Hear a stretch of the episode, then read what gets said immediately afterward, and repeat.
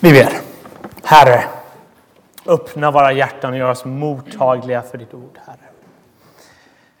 Herre, vi ber att det här är en stund som får förhärliga din son Jesus Kristus, Herre.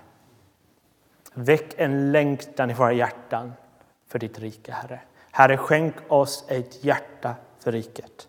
Det är ett gudomligt verk som vi ber om. Amen.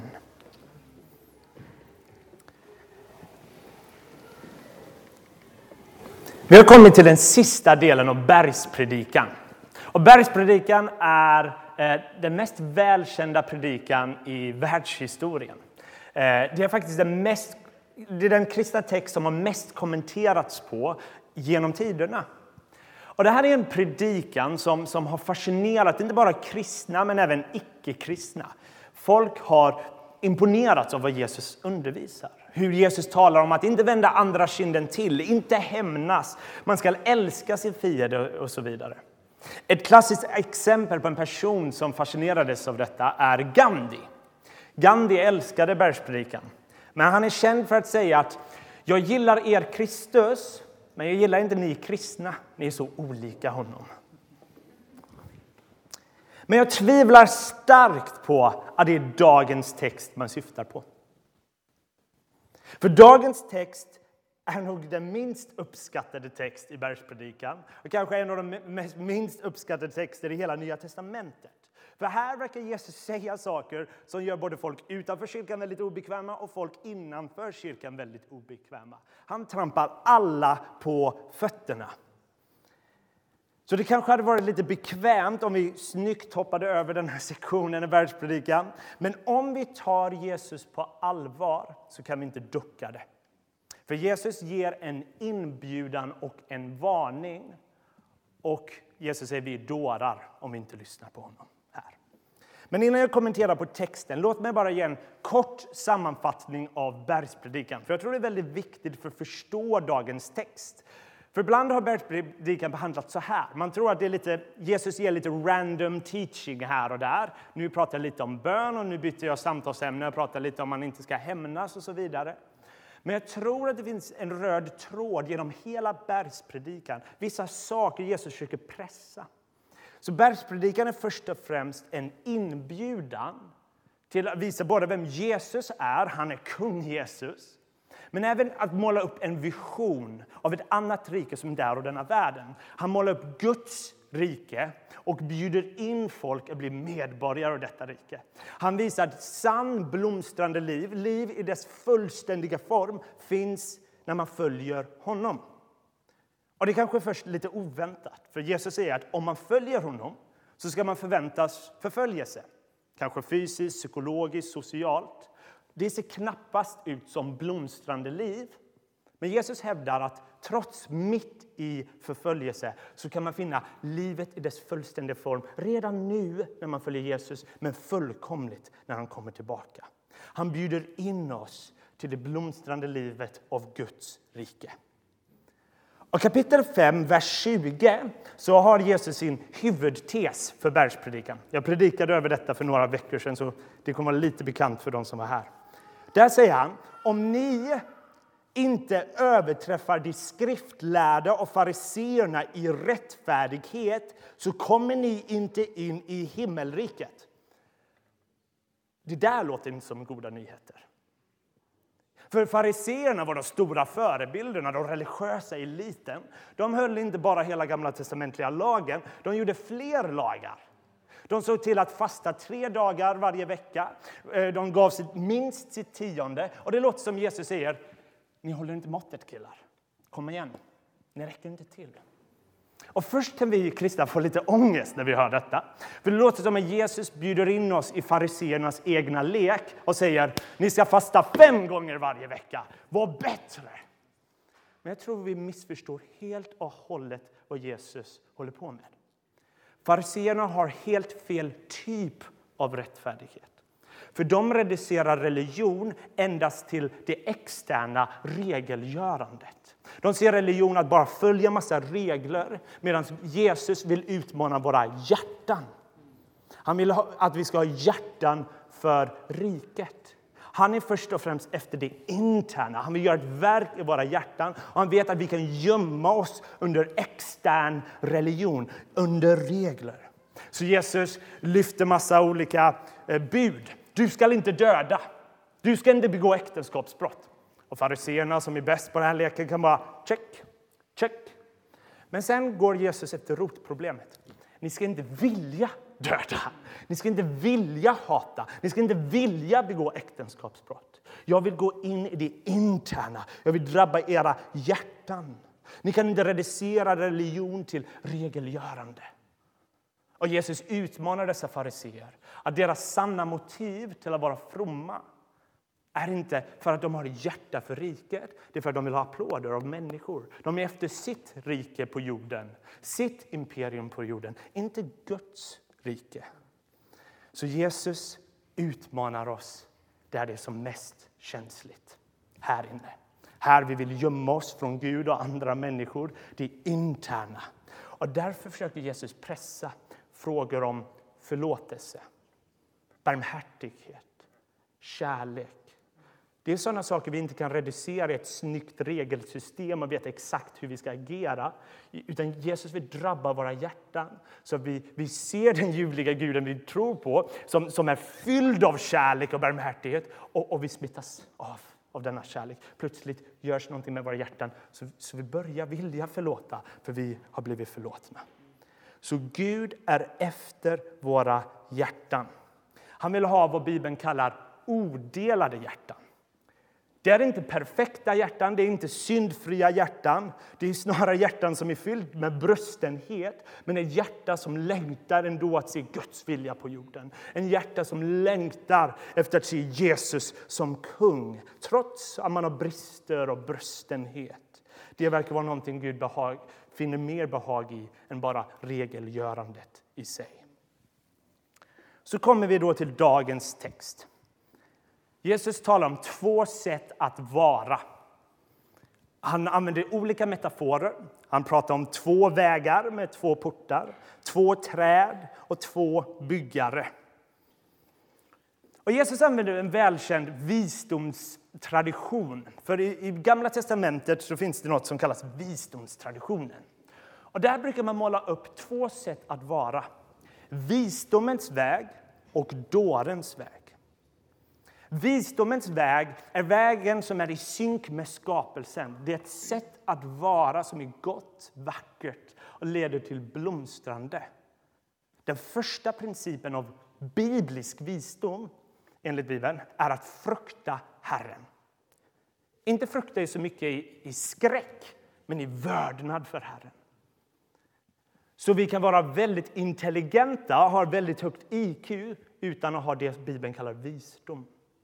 Och Kristus säger att han är visdomen personifierad. Han bjuder in oss till visdomens väg där det blomstrande livet finns. Och den andra vägen är en väg mot förstörelse. Och därmed försöker han varna oss att hög intelligens räddar oss inte utan det som är vist är att respondera på vem Jesus är. Så Jesus börjar med metaforen och två vägar. Han målar upp en stor väg, med en populär väg. Folk går på den. Och den, den verkar imponerande. Och en liten väg som få finner. Och Jesus varnar att alla är inte på samma väg. Och här gör Jesus sin varning och sin inbjudan. För ena vägen är vägen till liv och andra till förstörelse. Och Jesus börjar med en vädjan. Han börjar med en inbjudan. De första orden han säger är gå in genom den trånga porten. Han vädjar oss att ta till hänsyn vad han säger. Så varför slutar Jesus denna predikan, denna eleganta, vackra predikan med, med en varning? Jag tror Jesus vet hur vi människor fungerar. Vi hör något vi kan tycka är lite intressant. Ja, intressant predikan, så vi arkiverar det. Nu har jag lärt mig detta och nu går vi vidare i livet.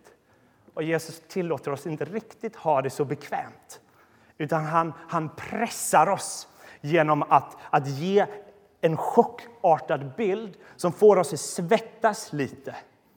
Så om den här predikan får er svettas lite så skyller jag på Jesus. Men vi håller ut till slutet för, för det här tror jag är viktigt. Poängen med dessa vägar är inte att den stora vägen är den här superomoraliska vägen där alla liksom tänder eld för det är kul och snor godis från barnen Och den här lilla vägen är alla fromma som går till kyrkan som är superduktiga. Så. Det är inte riktigt poängen. Det är inte som att Jesus har ändrat fokus i predikan och säger okej, okay, det är regelgörandet som avgör allt trots allt. Jesus talar till trofasta judiska personer. Folk som inte brukar gå runt och döda folk, folk som inte brukar gå runt och begå äktenskapsbrott. Han pratar om allmänt religiösa typer som, som många av oss är. Han adresserar oss religiösa personer och säger att det finns en svår väg och få finner den. Varför är den kristnes väg svår? Delvis tror jag det är för att den inte är populär. Det, det kan innebära förföljelse fysiskt, socialt eller psykologiskt och så vidare. Men jag tror även att det har med det här vi har pratat om i hela bergspredikan, hjärtat. Att Jesus vill utmana en viss form av religion som bara ser allt på det yttre, det externa och gömmer hjärtat som ruttnar inombords. Och det är det jag tror Jesus vill utmana. Så att till er människor som inte begår äktenskapsbrott, till er människor som inte dödar folk. Här adresserar Jesus oss. Bra att ni inte har dödat folk, bra att ni inte begått äktenskapsbrott. Men lever ni i bitterhet, avundsjuka, lever ni i ett sånt liv där ni tycker jag får inte tillräckligt mycket ära, jag måste prisas, jag är inte uppskattad för den jag är. Och vissa sådana frågor kan vara legitima, men är det det som driver vårt liv? Han vill gå in i våra hjärtan och utmana våra hjärtan. För ibland kan det vara lite safe att bara följa regler. Men vår inre människa kan vi gömma från Gud. Det tillhör inte Gud. Men Gud vill ha hela oss. Jag måste säga att jag har upplevt starkt denna veckan att Gud har utmanat mig med detta. Jag eh, har inte delat det här med folk, bara kort med Pierre innan, så jag delar med bröder och systrar här. Ehm, jag har studerat bergspredikan väldigt noggrant hela sommaren och predikade nyligen och drabbats av budskapet. Men den här veckan har det liksom tagit rot på ett sätt som det inte gjorde innan. Där jag inser att det är saker med mitt hjärta jag måste ta till hänsyn. Ehm, jag håller på med teologi, en teolog så sett. Och jag, ursäkta uttrycket, men jag vet att en del teologer är lite a-holes. Inte alltid de, de eh, mest ödmjuka människor i världen. Ehm, och jag har utmanats, både i min teologiska sfär och mitt liv och utanför, av att, att det finns någonting Frestelsen när man kanske har läst på lite mer än andra om något och man vill visa att man har rätt snarare än att på ett uppbyggligt sätt tala om Gud och, och, och lyssna på andra. Jag känner utanför mitt liv saker där irritation väcks, väcks för mig, för någon annan person. Och problemet är kanske mer i mig än den andra personen. Så jag kanske behöver se till med stocken i mitt hjärta än flisen i min broders hjärta. Jag tror det är såna här saker Jesus utmanar oss med. Speciellt när vi blir felade och det finns en frestelse att sätta dit den andra, få den andra att skämmas lite. Aha, där satte jag dit den. Även om vi har rätt i sak. Och det är de här typen av saker jag tror Jesus vill utmana oss. Den här inre människan vill han utmana. Våra hjärtan. Jesus vill att det här han talar om ska ta rot i våra hjärtan. Och Det här är väldigt dåliga nyheter om du är en farisé. För då vill du gömma allt på en fasad och låtsas att allt är intakt här inne. Och Det är väldigt lätt att blunda för vad som pågår här inne och se bristerna på dem där ute. Vi kanske agerar också ibland rätt på utsidan, men inuti så, så, så ruttnar vi. Bitterhet kanske kommer efter svek. Men den kristna bönen är egentligen det som Saltaren säger. Ge mig ett odelat hjärta så att jag vördar ditt namn. Och det här skiljer kristendomen mot all form, annan form av religion. Gud är efter våra hjärtan. Han är efter vår inre människa. Han tillåter inte oss distansera vår inre människa från honom. Så, så vi, vi, kan liksom bara, ja Gud, den yttre delen av mig, den är din, men det här inre, det är privat. Jesus tillåter inte det.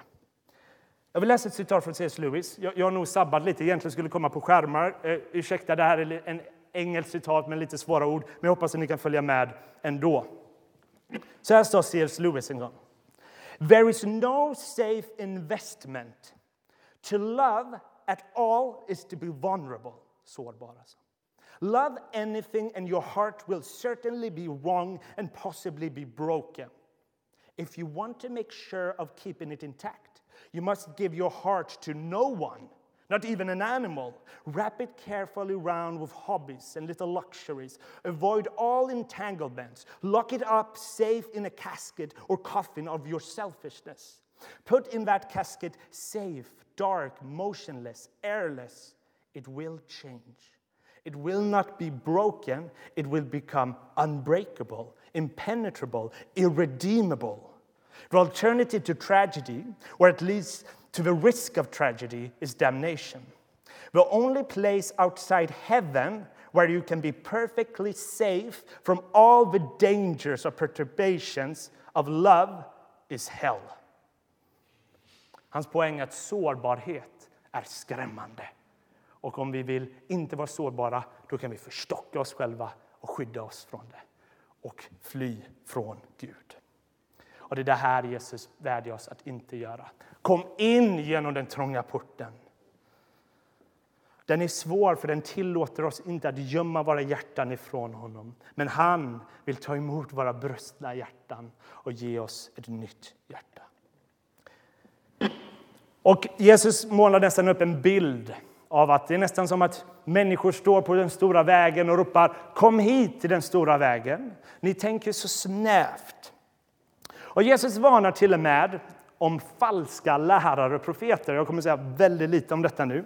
Men i vers 15 så säger Jesus De kommer till er förklädda till får men är i verkligheten glupska vargar. Återigen, det är det här externa och interna. På utsidan är de får, de ser ut som kristna. Men på insidan är de glupska vargar.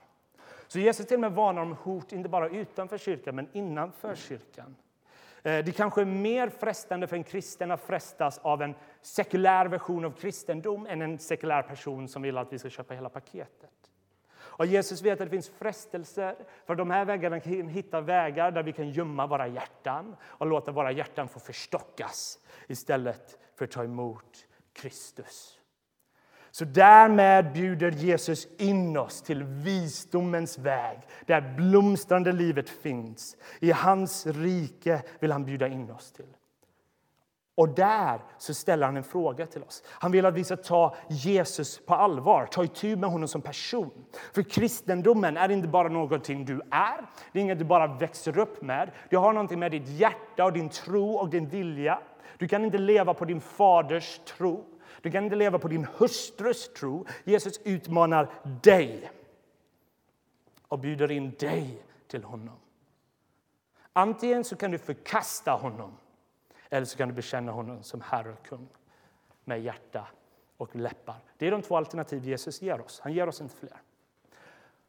jag vill inte vara för skrämmande här idag, men man kan ställa sig frågan, försöker Jesus skrämma oss in i Guds rike? Svaret är Ja, delvis ja. Kanske inte riktigt på de här turn it and burn it-predikanter som vi är lite nervösa över. Men vissa kommer till tro på olika sätt. Vissa drabbas av Guds omätliga kärlek och säger jag vill ha honom. Vissa inser sin synder och vill ha förlåtelse. Men vissa är så oerhört självupptagna, bryr sig inte om det här med Gud. Så ibland behöver de skrämmas, behöver de väcka sig upp lite till liv. Det Jesus ställer är faktiskt eviga frågor. Föreställ er att ni sover i ett sovrum, ett fina hem och det börjar brinna. Jag kommer knacka på fönstret och säga kom ut, kom ut, kom ut till säkerheten. Försöker jag skrämma er till säkerhet? Nej, jag skulle nog inte kalla det det. Och det är på detta sätt jag tror Jesus, på det sättet jag tror Jesus talar om.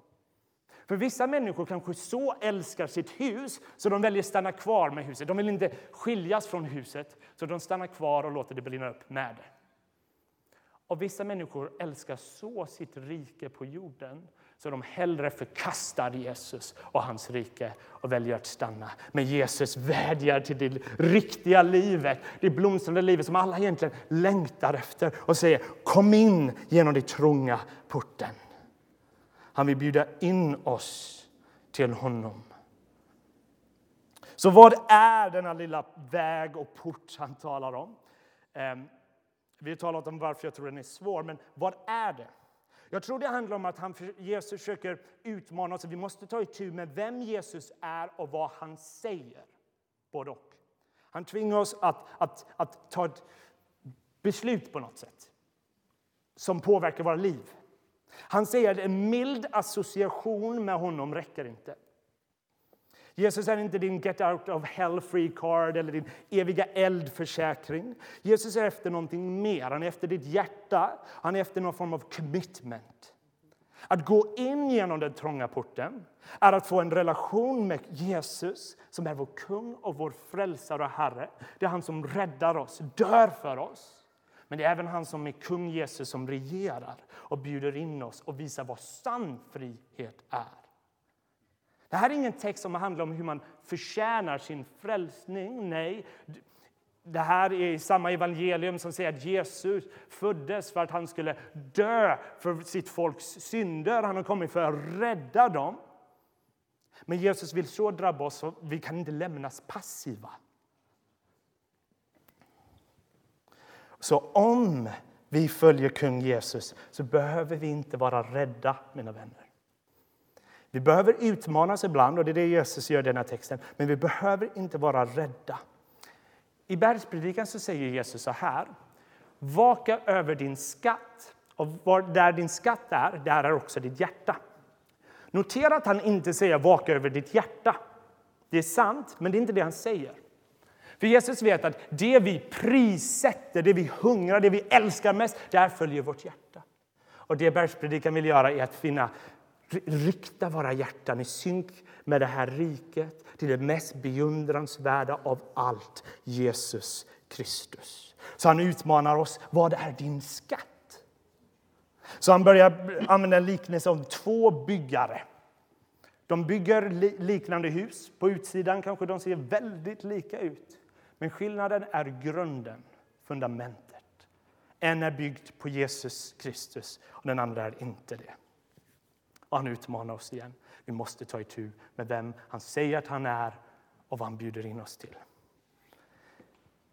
Men det märkliga med bergspredikan är att den kan få oss att svettas, den kan få oss att bli smått rädda stundvis.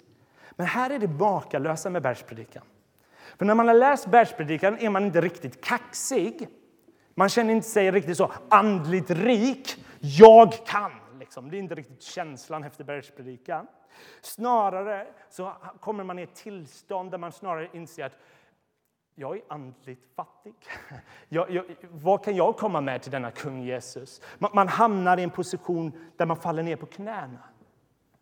Och då har jag goda nyheter för dig. Exakt. För hur började bergspredikan? Vad är de första orden i bergspredikan? Jo, de första orden försöker berätta det tillstånd som de som tillhör himmelriket är i. Och det första är salig de som är fattiga i anden, de tillhör himmelriket.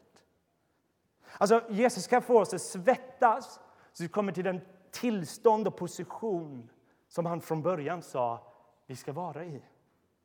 När budskapet tar rot i oss så inser vi att vi är fattiga i anden men vi tror på en Gud som ger rikligt av sin andlighet till oss. Och denna predikan kanske väcker något annat i hjärtat. Det kanske väcker att åh, vi vill se Guds vilja på jorden. Åh, det är där Jesus talar om den här typen av rättfärdighet. Jag vill att det ska ske här. Jag hungrar och törstar efter det där. Då har jag igen goda nyheter. För Jesus säger, salig de som hungrar och törstar efter rättfärdigheten, det skall bli mättade. Så när ni känner de här känslorna i er, det är exakt det Jesus är efter. Och Det är där det här odelade hjärtat börjar ta rot i oss. Det börjar en längtan, trots med, med misslyckande och bröstenhet. Men det är någonting i våra hjärtan som längtar efter hans rike. Och Det får oss att komma till det tillstånd av ödmjukhet. Och återigen har jag goda nyheter till er. Salig det ödmjuka, det ska ärva landet. Så predikan handlar inte om att leva upp till en standard utan snarare så utmanar det att öppna våra hjärtan för Gud. Och ibland kan vi känna att det är helt dött här inne, det är helt förstockat. Då kan vi be en enkel liten bön som vår Herre älskar besvara. Hjälp mig med min otro. Den inre människan som är öppen med sin bröstenhet men längtar efter Guds rike. Det är den typ av människa som bär frukt, säger Jesus. Och det är inte kanske uppenbart för sig själv. Man ser kanske inte själv all frukt som pågår i sitt liv. Men de runt omkring dig kommer märka det.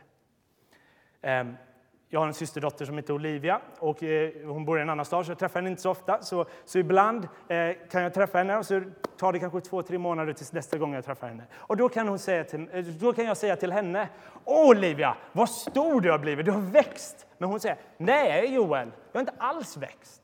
För hennes perspektiv känns det inte som att hon har växt. Men jag kan faktiskt se att hon har växt. Och så tror jag ibland det är det kristna livet. Att, att, att vi kan bli så oroliga när vi inte ser, det händer inget här.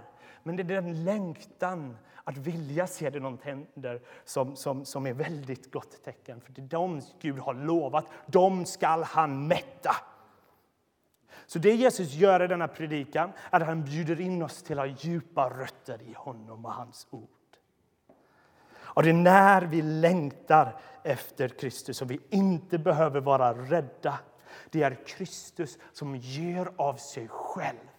Det Kristus som var Gud, är Gud, blev en mänsklig gestalt, avsade sig sin härlighet så sett.